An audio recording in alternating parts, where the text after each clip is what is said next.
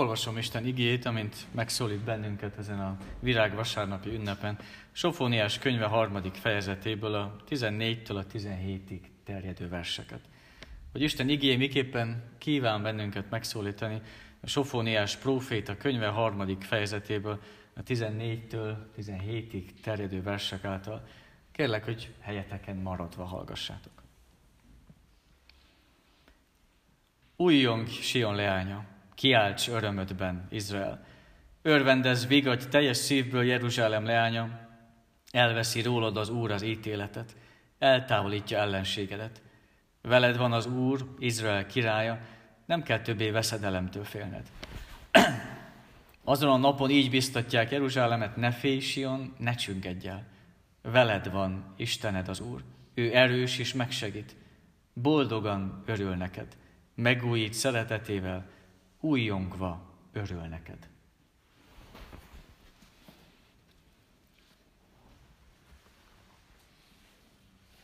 Hogyha az öröm szót halljuk, akkor sokféle öröm juthat az eszünkbe. De talán a legkevésbé azt az örömöt szeretjük, amiért, amiért meg kell dolgozni. Sokkal jobban szeretjük azt, ami ugye az ölünkbe hull, amit akár meg lehet vásárolni, bárhol be lehet szerezni, ami olyan könnyen, gyorsan beszerezhető, de azért olyan sok munkával ne járjon. Pedig másrészt azt is látjuk és érezzük, amikor milyen nagy öröm például, amikor a gyermekünket megdicsérik.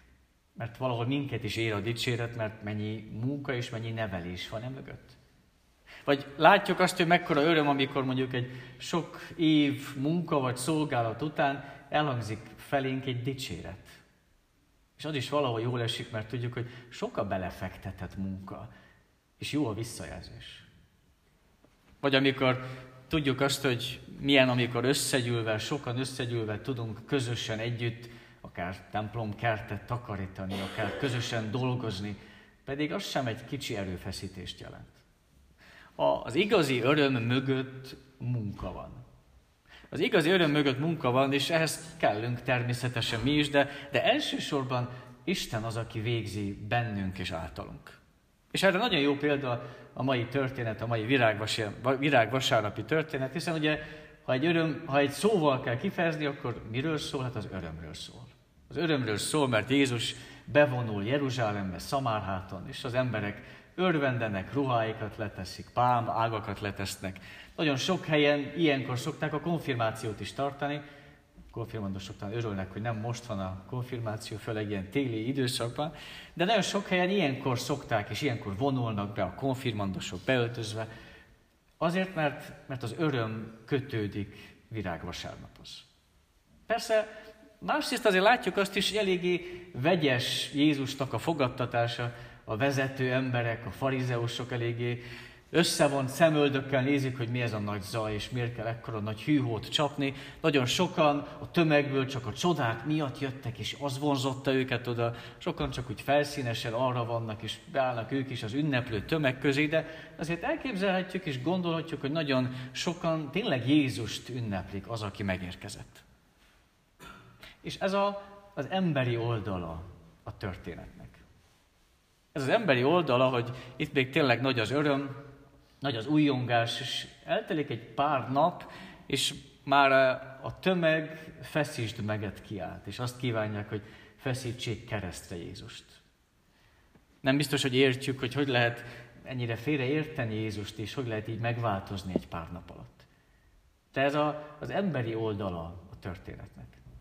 És a Sofoniás könyvéből felolvasott ige segít abban, hogy egy kicsit betekintést kapjunk abba, hogy milyen az Istennek az öröme. Hogy ne csak a földi örömöt lássuk, hanem lássuk meg azt, hogy mi az, aminek Isten örül. Az emberi örömnek az igazi alapja az, hogy Isten örül. Persze valamikor nem esik egybe a kettő, valamikor csak egyedül magában örül az Isten, valamikor csak mi magunk örülünk magunkban, de az igazi feladat valójában az, hogy be tudjunk csatlakozni az Istennek az örömébe. És tapasztaljuk meg azt, hogy milyen együtt. Milyen az, amikor ő örül, és ennek örülhetünk mi is. Három vetülete van a virágvasárnapi történetnek, három felhívása van a virágvasárnapi történetnek. És az egyik, az első az, hogy a virágvasárnap egy felhívás az örömre. És itt nem arról van szó egyszerűen, hogy örüljünk a csodáknak. Ugye nagyon sokan a csodák miatt vonzotta őket oda Jézushoz. Itt nem a, a lottón szerzett nyereségnek az öröméről van szó. De nem is arról van szó, amikor végre lehet örülni, hogy lehet költeni a pénzt, vagy végre lehet új dolgokat vásárolni. Nem csak ilyen örömről van szó. De nem is csak olyan örömről, amikor csak ma akarok örülni. Csak a mai örömöket keresem, és holnap megint megkeresem a mai örömöket, és újból és újból csak épp az aznapit és épp az akkorit próbálom megtalálni. Nem csak ilyen örömről van szó. Nem sokkal inkább a virágvasárnap az felhívás az Istennek az örömére. Öröm az, amikor fel tudjuk fedezni Istent a teremtett világban. Öröm az, amikor észre tudjuk venni Jézusban az Isten fiát. Vagy öröm az, amikor a harag és háború ellenére mégis tudok hozzá fordulni. Mondhatom egyszerűen, öröm az számomra, hogy, hogy Isten szeret. Hogy annak ellenére, hogy egymást sokszor nem szeretjük, annak ellenére, hogy sokszor párhuzamosak vagyunk Istennel, annak ellenére, hogy sokszor úgy kihagyjuk őt az életünkből, ő mégis érthetetlenül, mégis fölfoghatatlanul, mégis emberileg nem logikusan, annak ellenére szeret. Szeret bennünket. És pont erre szólít fel bennünket ez az ünnep, hogy ezt lássuk meg, és ez legyen a mi örömünknek a forrása, hogy Isten szeret minket. Közeledünk húsvét felé, ha kinézünk, ez mintha nem lenne igaz, de azért próbáljuk kicsit hangolódni arra, hogy közeledünk húsvét felé, és, és lassan emlékezünk arra, hogy mi is történt pontosan.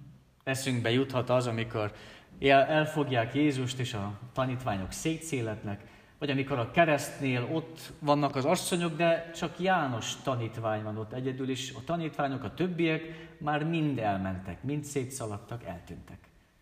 És valahol értető a tanítványok eltűnése így a, a Jézus szenvedése kapcsán, mert hát ha a mester, akit követtünk, ilyen sorsra jut, hát akkor a, az őt követő tanítványok sem várhatnak sokkal jobbra. Megijedtek, eltűntek, elbújtak. Az asszonyok nem. Őket végig ott látjuk akkor is, amikor Jézust elfogják, vagy akár amikor keresztre feszítik, és ott vannak az asszonyok, nem tűntek el. Persze mondhatjuk, hogy nekik nem volt annyi veszíteni valójuk, mert nem tekintették őket tanítványoknak, és mégis talán hozzá tehetjük azt, hogy a, a szeretet tartotta őt, ott őket.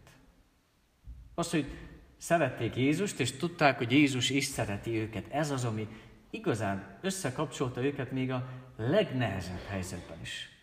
Még akkor is, amikor úgy tűnt, hogy itt most jobb menekülni, és itt most jobb nem csatlakozni Jézushoz, mert abból nekünk is bajunk lehet, ők akkor is ott maradtak. Hogy minden körülmény között vele. Ez az igazi öröm. Ez az igazi felhívás az örömre, a szeretetnek az örömére. Persze másrészt virág vasárnap egy olyan szempontból is felhívás, hogy vegyük észre, hogy arról szól az ünnep, hogy Krisztus bennünk. Hát csak azért is, mert nagyon nagy kísértése az ünnepnek az, hogy hát annak örüljünk, ami rajtunk kívül van. Ugye milyen szép, ugye képzeletjük, amikor Jézus szamáráton bevonult, mi is biztos oda csatlakoztunk volna a pálmágakat letevő emberek közé, vagy akár elképzelhetjük, hogy milyen szép, amikor ahol ilyenkor van a konfirmáció, akkor szépen bevonulnak a konfirmandusok, de hát minket egyiket sem érint. Nekünk egyik sem aktuális. A történet egy kicsit olyan nekünk, mint hogyha megnéznénk egy filmben, aztán kikapcsoljuk, lefekszünk, és másnap, amikor felkelünk, akkor megy minden tovább, úgy, ahogy eddig is történt. Nincs hatása ránk. Pedig Krisztus nem azért vonult be, hogy rajtunk kívül legyen. Krisztus nem azért vonult be, hogy rajtunk kívül legyen. Az ige pont arról szól, hogy öröm az, hogy ő közötted van. És ha még egy kicsit pontosabban fordítjuk, akkor mondhatjuk azt, hogy öröm az, hogy benned van, a te bensődben van. Benned. És sokan pont ezt nem értették virágvasárnap. Farizeusok csöndre intették a tömeget, mások csak újabb csodákra vártak, és nagyon sokan csak csalódtak rá pár napra Jézusban, hogy ez a király, aki meg se tudja magát védeni. Valójában a lényeg Jézus bevonulásában pont az volt, hogy ő nem csak fölöttünk szeretne uralkodni, hanem hogy bennünk szeretne uralkodni. Bennünk. És ez az igazi öröm, hogy ő bennünk uralkodik. Nem csak azt várjuk, hogy majd ő gyorsan mindent oldjon meg, ami gond, gyorsan szüntessen meg minden háborút, ami akár bennünk, akár körülöttünk zajlik, vagy akár leckésztessen meg minden gonoszt, mert azért így mégsem lehet élni. Nem ezt várjuk el. Hanem pontosan azt várjuk el, hogy, hogy engem szabadítson meg. Engem tisztítson meg. Nekem adjon bölcsességet ebben a kusza világban is fejreállított világban. Engem akarjon vezetni az ő útján, nekem akarjon adni akár azt a szót, hogy bocsánat a másik ember felé. Engem akarjon vezetni az útján. Mert ezzel is tudok felé mutatni, ha így élek, és ha engem így vezet. Hogy Jézus megmutatta azt, hogy Isten nem egy, Isten nem egy arany palotában felettünk kegyesen uralkodó Isten, hanem valójában a halálával minket megtisztító, valójában magához ölelő Atya és Isten. És mekkora különbség van a kettő között. Egy magához ölelő és a halálával minket megtisztító Isten az, aki bennünk van, aki igazán öröm lehet nekünk. Ezért vonult be Jézus, hogy ez legyen az öröm számunkra. És amikor Krisztus bennünk van, akkor lehet, hogy annak ellenére, sokszor haragot tapasztalunk, vagy akár rossz indulatot tapasztalunk emberek részéről, de akkor az első válaszom az, az nem az, hogy visszaadom. Az első válaszom nem az, hogy na, ha ő úgy, akkor én is még inkább. Nem sokkal inkább az, hogy ha igaz, amit nekem mondanak, akkor szívleljem meg. Ha nem igaz, akkor szeretettel próbáljon meg helyre tenni. De ezt, ezt nem lehet másképp, csak úgy, ha Krisztus van bennem. Ezt nem lehet másképp, csak úgy, ha Krisztus van bennem.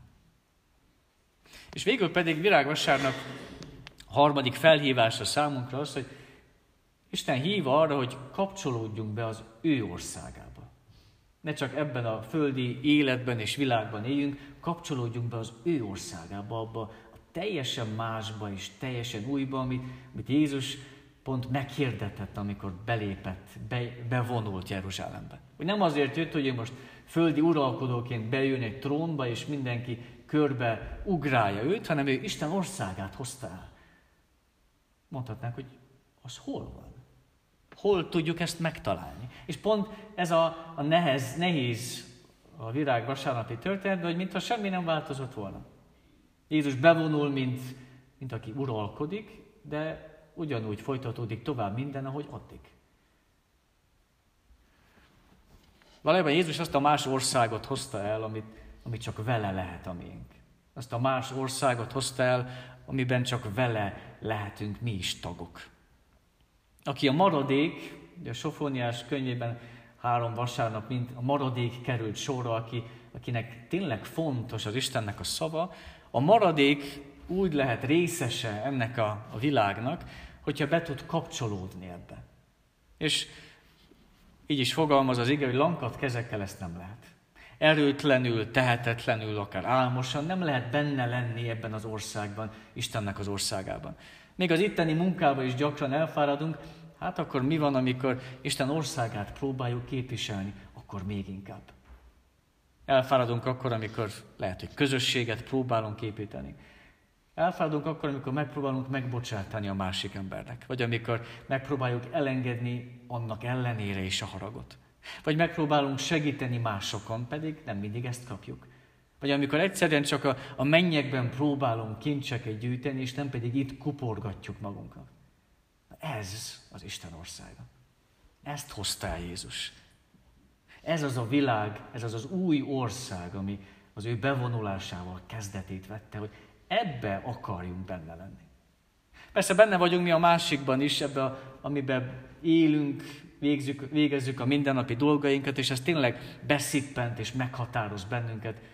És sokszor, mint a épp azt hirdetni és azt éreztetni, hogy csak akkor tudunk mi érvényesülni, és akkor tudunk igazán élni, hogyha elsősorban magunkra gondolunk. A másokat, többieket el lehet felejteni.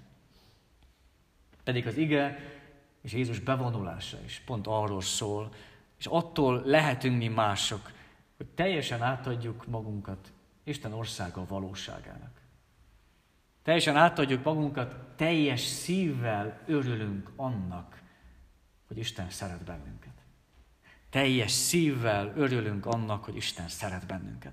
Hogy ő örömét leli abban, hogy megvédjen bennünket. Örömét leli abban, hogy oltalmaz és megvéd minket. Mennyire más az, amikor felismerjük, hogy Isten örül, ha felismerem az ő szeretetét. A körbenézek, és, és nem csak háborút látok, nem csak nehézségeket látok, nem csak közeledő gazdasági válságot látok, hanem észre tudom venni mindezekben, vagy akár mindezek ellenére is Istennek a szeretetét.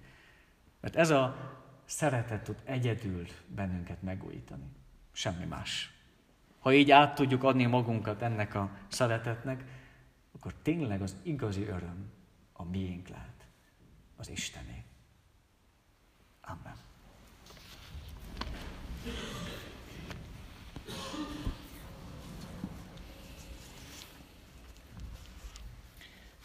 A 449. énekünk első és negyedik versszakait énekeljük.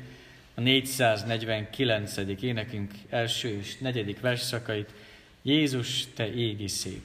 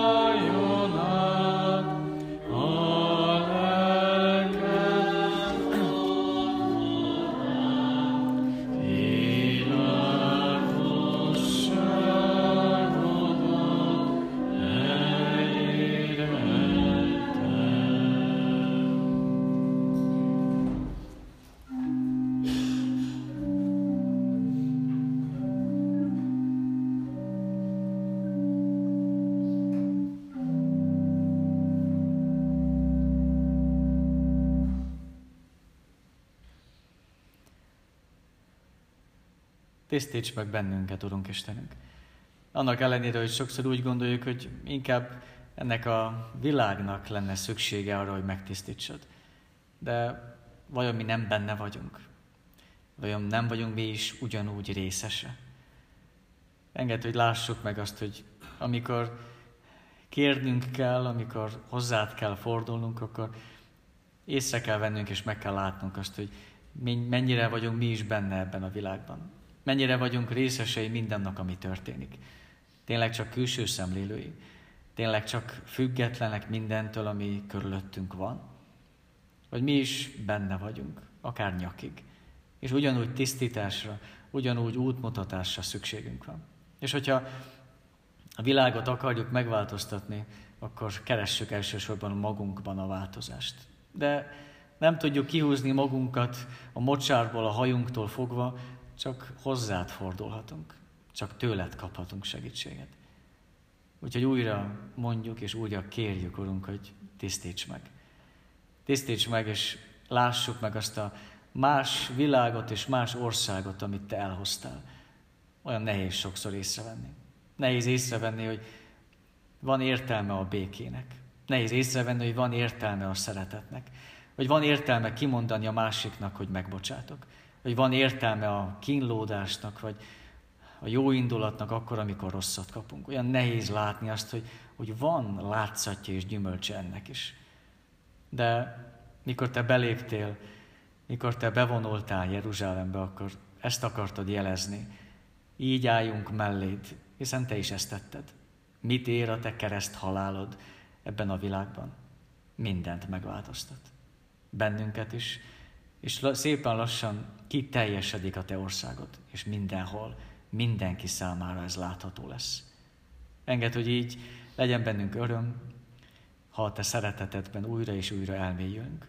Így legyen bennünk öröm, amikor megtapasztaljuk, hogy nem mindig egyszerű, nem mindig magától értetődő, de hajlamos, hajlandóak vagyunk megdolgozni ezért veled.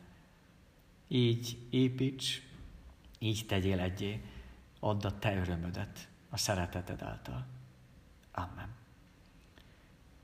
Bizalommal tárjátok fel szíveteket, Istenem.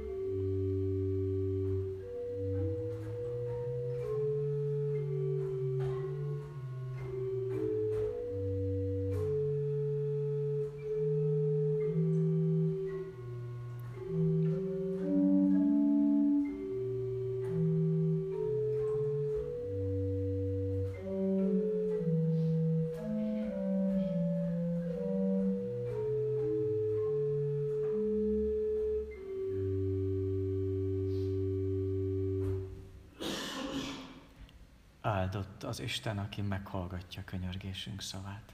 Amen. Mi, atyánk, aki a mennyekben vagy, szenteltessék meg a te neved. Jöjjön el a te országod. Legyen meg a te akaratod, amint a mennyben, úgy a földön is. Minden napi kenyerünket add meg nékünk ma, és bocsásd meg védkeinket, miképpen mi is megbocsátunk az ellenünk védkezőknek. És ne vigy minket kísértésbe, de szabadíts meg a gonosztól, mert tiéd az ország, a hatalom és a dicsőség mindörökké. Amen.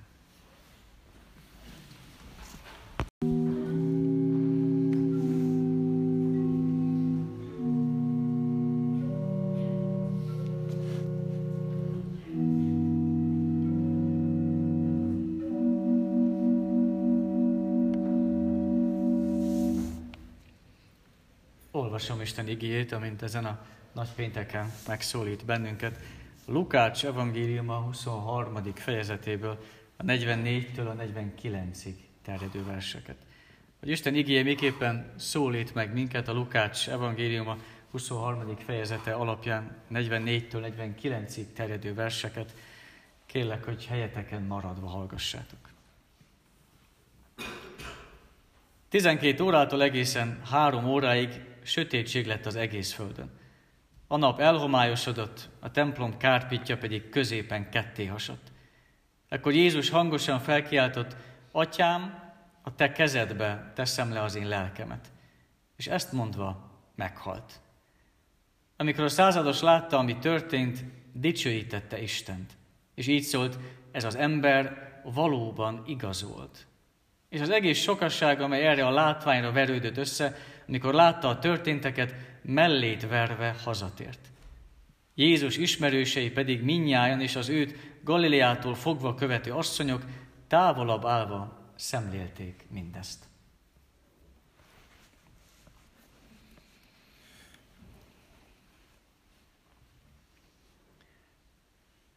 Rám ez nem vonatkozik, engem ez nem érint. Nagyon sok olyan helyzet van, amire úgy megkönnyebbülésként ki tudjuk mondani ezeket a mondatokat. Úgy megnyugtatjuk magunkat, hogy sok embert ez érint, de rám, hála Istennek ez nem vonatkozik. Sok más embernek ez kérdés, sok más embernek gond, de nekünk emiatt nem kell fájjon a fejünk. Akármikor arra gondolunk, hogy, hogy látjuk a hírekben, hogy a banki kamatlábak, hogy nőnek, akkor eszünkbe juthat, hogy aki nem vett fel kölcsönt, annak nem kell fájjon a feje. Nem gond, hogy vajon hogyan lehet ezt majd rendezni. Nekünk nem gond. De ha hallottok akár a hírt, hogy most már a múlt időben beszélve, kinti térben is fog kelleni majd maszkot használni, régen ugye ez meg volt szabva, akkor sokszor megkönnyebbültünk, hogy milyen jó, hogy itt ilyen kicsi eldugott környezetben erre nem kell olyan szigorúan gondolni. Ránk ez nem vonatkozik. De ha szomorúan is állapítjuk meg, hogy az iskolában vakáció van, a gyerekeknek öröm, de hát nekünk már nem annyira aktuális ez. Ránk ez se vonatkozik. Vagy nem vonatkozik ránk, amikor azt mondják a hírekben, hogy megnövelik a nyugdíjat. Hát igen, a nyugdíjasok számára, de nem érint ez mindenkit. Ránk ez nem vonatkozik. És talán először a vírus éreztette velünk azt, hogy vannak olyan helyzetek, ami mindenkit érint. Ami mindenkire vonatkozik. És még ez fokozódott a háborúnak a közelségével, amikor megfogalmazhattuk azt, hogy ezek olyan helyzetek, amikor akaratunk ellenére is mindannyian benne vagyunk. Nem húzhatjuk ki magunkat. És nem mondhatjuk, hogy igen, mások számára ez esetleg kérdés vagy gond, de, de nekünk nem, hanem benne vagyunk mindannyian, és érint mindenkit. És persze sokféleképpen lehet ezt érzékelni, valaki úgy gondolja, hogy nincsen semmi különbség, milyen volt és milyen most az élet, és másnak pedig teljesen feje tetejére állt az élete hatással van más-más szinten, de mindenkire. És mégsem ezek az egyetlen dolgok azok, amik mindenkit érintenek, akár világszinten. Hanem ennél sokkal inkább érint mindenkit és mindenkinek az életére hatással van Jézusnak a kereszt halála. Annyira mindenképp látjuk a hatást, hogy sokszor külön ünnepnap, a nagypéntek, akár valaki szabadnapként is megkapja. Ugye fekete az, ami most dominál itt a templomban is, mert éreztetjük, jelezzük, hogy más ez a mai nap. Sokan a mai napot bőjtként külön félre teszik, mert a nagypénteket így is szeretnék külön félretenni. De a világ ugyanúgy forog, mint ahogy tegnap is forgott. A bűn az nem szűnt meg, az emberek nem lettek jobbak, vajon tényleg mindenkire van hatása a mai napnak? Tényleg hatással van ez az emberekre, mert úgy tűnik, mintha minden folytatódna úgy, ahogy eddig is. És jobb belegondolnunk abba, hogy amennyire a bűn az mindenkit érint, annyira szól mindenkinek Jézusnak a kereszt halála is. Amennyire nem tudjuk kivonni magunkat a bűn alól sem, annyira nem tudjuk kivonni magunkat Jézus kereszt halála alól sem. És ez már nagypénteken látható és érzékelhető volt, hogy hogyan hat akkori emberekre és akkori környezetre Jézusnak a halála. Nagypénteken látható volt, és ezt fogjuk mi magunk is megnézni, hogy az általánostól hogyan jutunk el a személyesig. Amikor arról van szó, hogy Jézus meghalt, és hogyan hat akkor a környezetre, hogyan hat ez akkor az emberekre, hogyan hat ez ránk ma. De először, amit megfigyelhetünk ebben a történetben, ami feltűnik első hallásra, azt, hogy, hogy elsötétedett, hogy három óráig sötétség volt. És a kárpitnak a függönye az ketté szakadt. A sötétség ugye azt jelenti, hogy megszűnik a fény.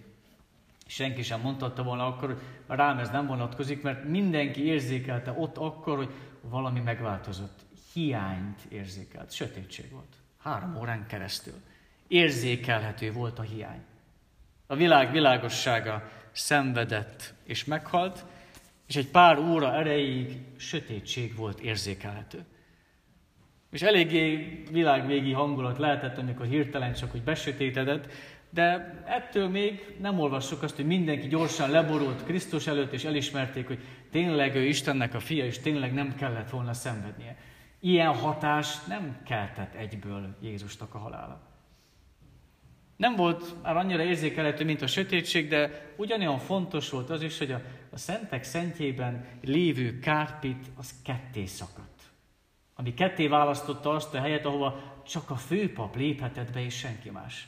És ez ketté szakadt, és láthatóvá vált.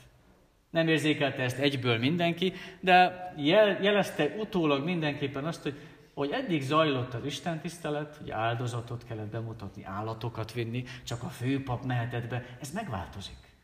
Ez már nem lesz így ezentúl. Jézus halálának hatása volt az Isten tiszteletre is. Megváltozott. Teljesen gyökeresen. Krisztus került a középpontjába. Hatással volt a környezetre is, de az igazság az, hogy nagyon sokan csak az ijedelemig jutottak el. Megijedtek, mert sötétség van, megijedtek, mert eljutott hozzájuk az információ, hogy valami történt a templomban, és az ijedelem az, ameddig eljutottak. Egy kicsit olyan ez, mint amikor a mostani helyzetben, amikor az emberek úgy hallják az információkat, akár híreken keresztül, akkor gyorsan teletönik a kamrát. Gyorsan a benzin tartályt meg kell tölteni. És nem gondolkodnak el azon, hogy nem, nem szól többről ez az élet. Vajon a lelkünket nem féltjük? Vagy nem gondolunk arra, hogy minden Krisztushoz vezet előbb-utóbb? Láthatjuk, hogy a környezetre hogyan hatott Krisztusnak a halála, de haladhatunk tovább, egy kicsit úgy közeledve a személyesség, de még azért mindig távol maradva, ott van a sokaság is. A sokaság az azokból állt össze, akik épp akkor jelen voltak, oda verődtek, egy kicsit a szenzáció is vonzotta őket, és azt olvassuk róluk, hogy amikor látták Jézus halálát, akkor mellüket verve mentek haza. Van ebben egy kis szégyen is, talán mondhatjuk, hogy van benne egy kis bűnbánat is, de talán pontosabban úgy fogalmazzuk, hogy mikor Jézus meghal, akkor számukra ez úgy csapódik le, hogy ennek nem kellett volna megtörténnie. Ennek az embernek nem kellett volna így meghalnia. Ahogyan Jézus meghalt, számukra egyértelmű volt az, hogy ez az ember ártatlan volt. Nem kellett volna így büntetni őt, pedig csak egy, egy összeverődött, épp arra járó tömegről volt szó, akik kíváncsiak voltak, hogy na, vajon mi fog történni, és mégis számukra, ahogyan Jézus meghalt, ami körülötte történt, abból egyértelmű volt, hogy ez az ember, ez ártatlan volt. Nem kellett volna. Nehéz volt közömbös maradni, amikor látták Jézus halálát. Nem újjongtak, hogy végre ugye megkapta, amiért elítélték őt, méltó volt az ő büntetése, nem, ilyet, nem ilyen reakciójuk volt, hanem valahogy volt bennük egy szégyen, és volt bennük egy magabiz, magabiztosság, hogy ez az ember, ez ártatlan volt. És az igazság az, hogy minden igehirdetés alkalmával hasonló a, reménységünk nekünk is.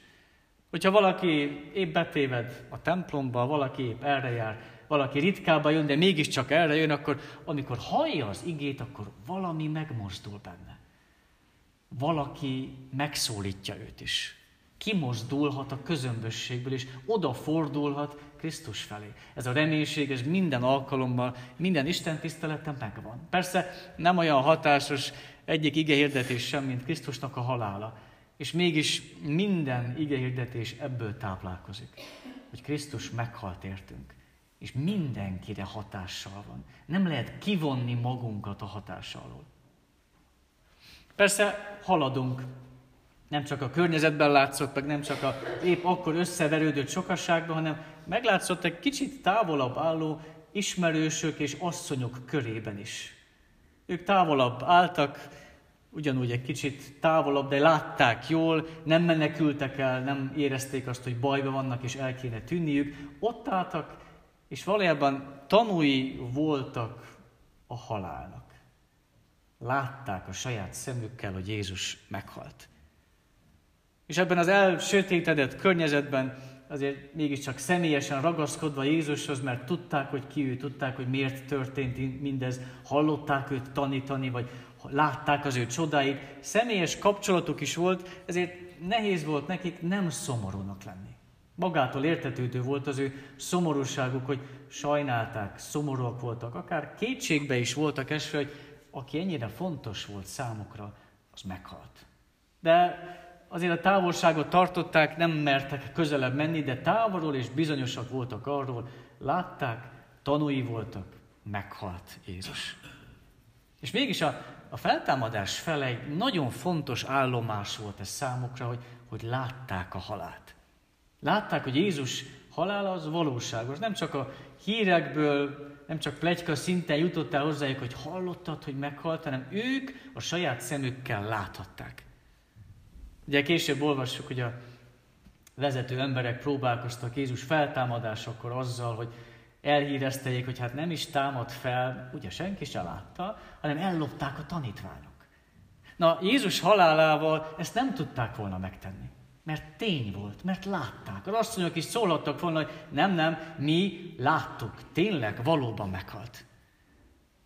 És mégis ők ezt még nem tudták akkor ott, amikor a kereszten látták Jézust, de mégis számukra egy sokkal erősebb kapaszkodó lehetett ezután a Krisztus feltámadása. Még inkább csoda lehetett az, hogy mi láttuk őt meghalva, és most mégis él.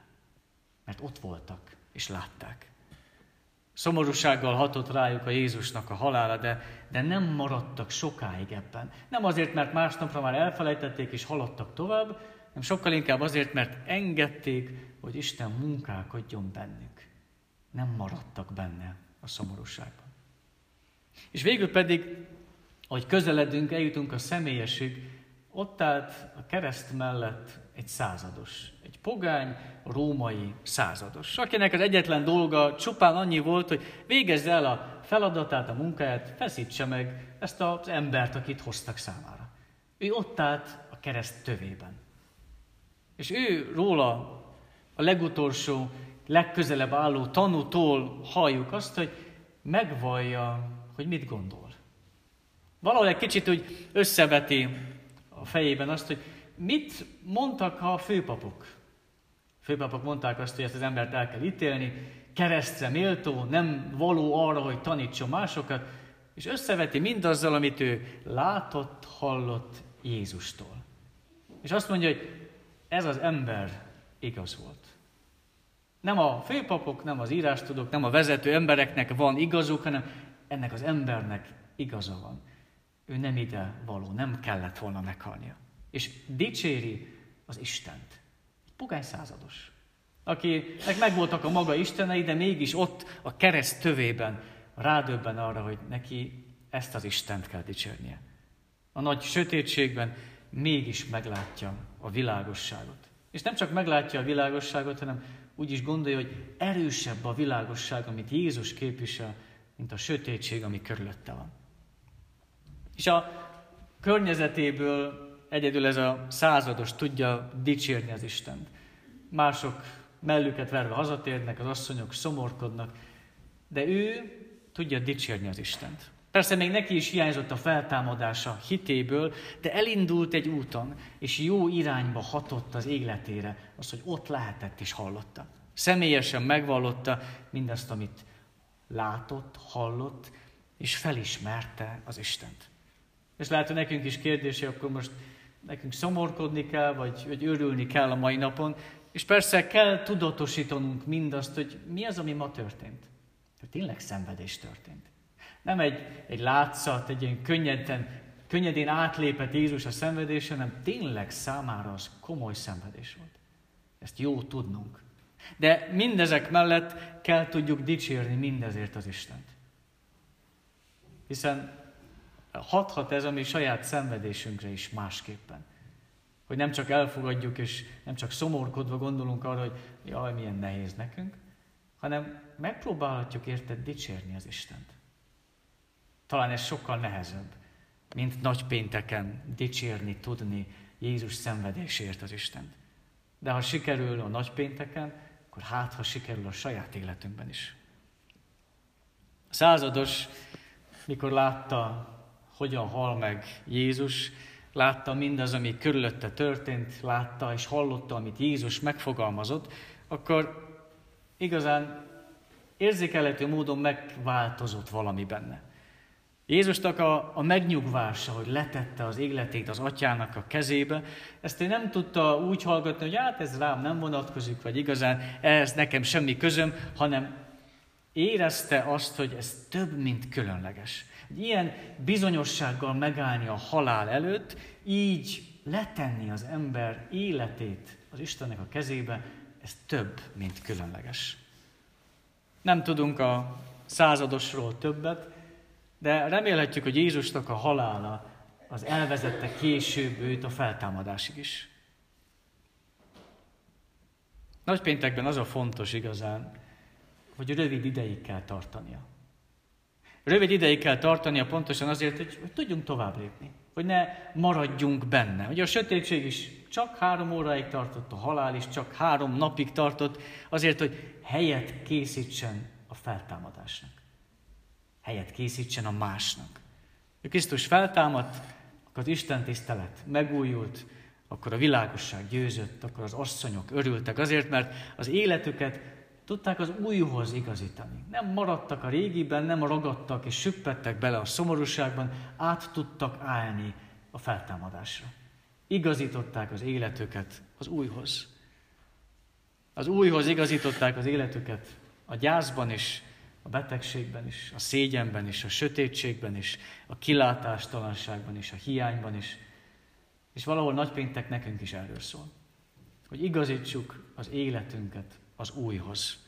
Akár a gyászban, akár betegségben, akár szégyenben, akár sötétségben tudjuk igazítani a mi személyes életünket a feltámadáshoz. Hiszen így ahhoz igazítjuk az életünket, aki nem csak meghalt, hanem fel is támadt. És akkor lehet a miénk, a feltámadásnak a bizonyossága, ha közünk van Krisztus kereszt halálához. Ha rólunk is szól, ha mi magunk is benne vagyunk. Emeljen ki bennünket Krisztus halála a sötétségből. Emeljen ki bennünket a tévejgésből Krisztusnak a halála. Emeljen ki a közömbösségből bennünket Krisztusnak a halála. Hogy vezessen el a feltámadásig. Amen.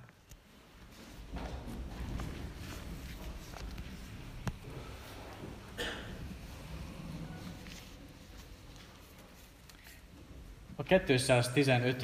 énekünknek az első versszakával válaszoljunk a hallott igére. A 215. énekünknek az első versszakát Jézus világ megváltója.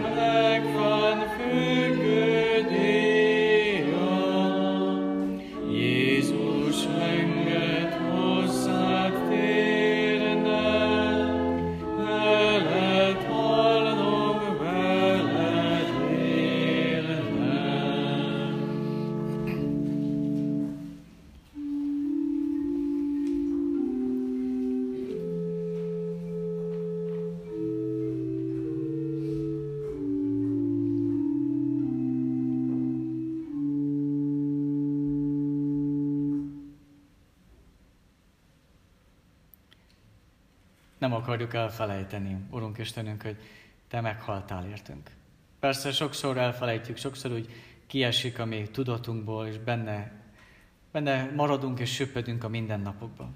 És így ünnepen újra-újra előszedjük, kicsit leporoljuk, aztán megint visszatesszük.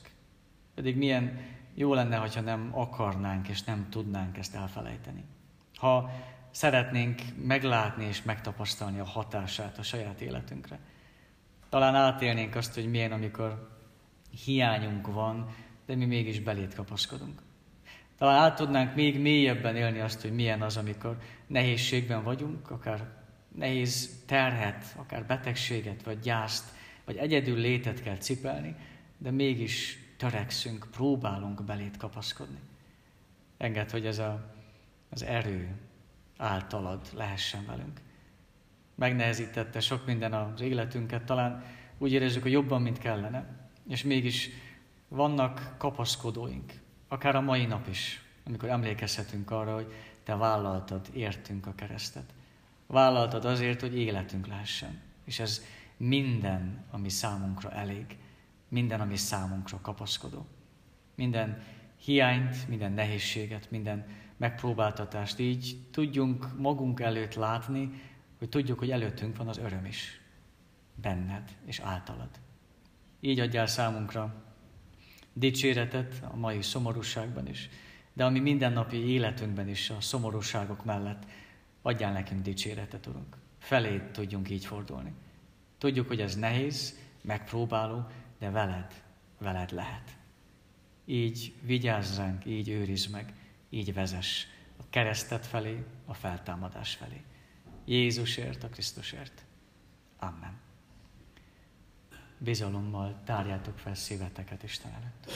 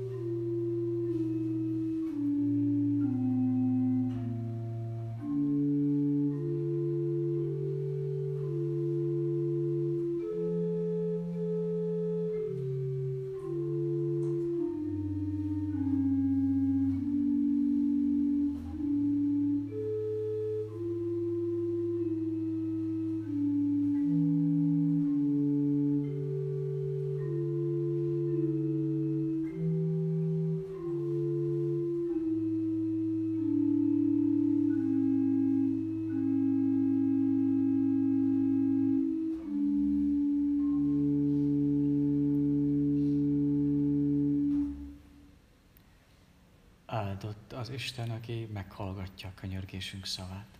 Amen. Mi, atyánk, aki a mennyekben vagy, szenteltessék meg a te neved. Jöjjön el a te országod, legyen meg a te akaratod, amint a mennyben, úgy a földön is. Minden napi kenyerünket add meg nékünk ma, és bocsásd meg védkeinket, miképpen mi is megbocsátunk az ellenünk védkezőknek. És ne vigy minket kísértésbe, de szabadíts meg a gonosztól, mert tiéd az ország, hatalom és a dicsőség mindörökké. Amen.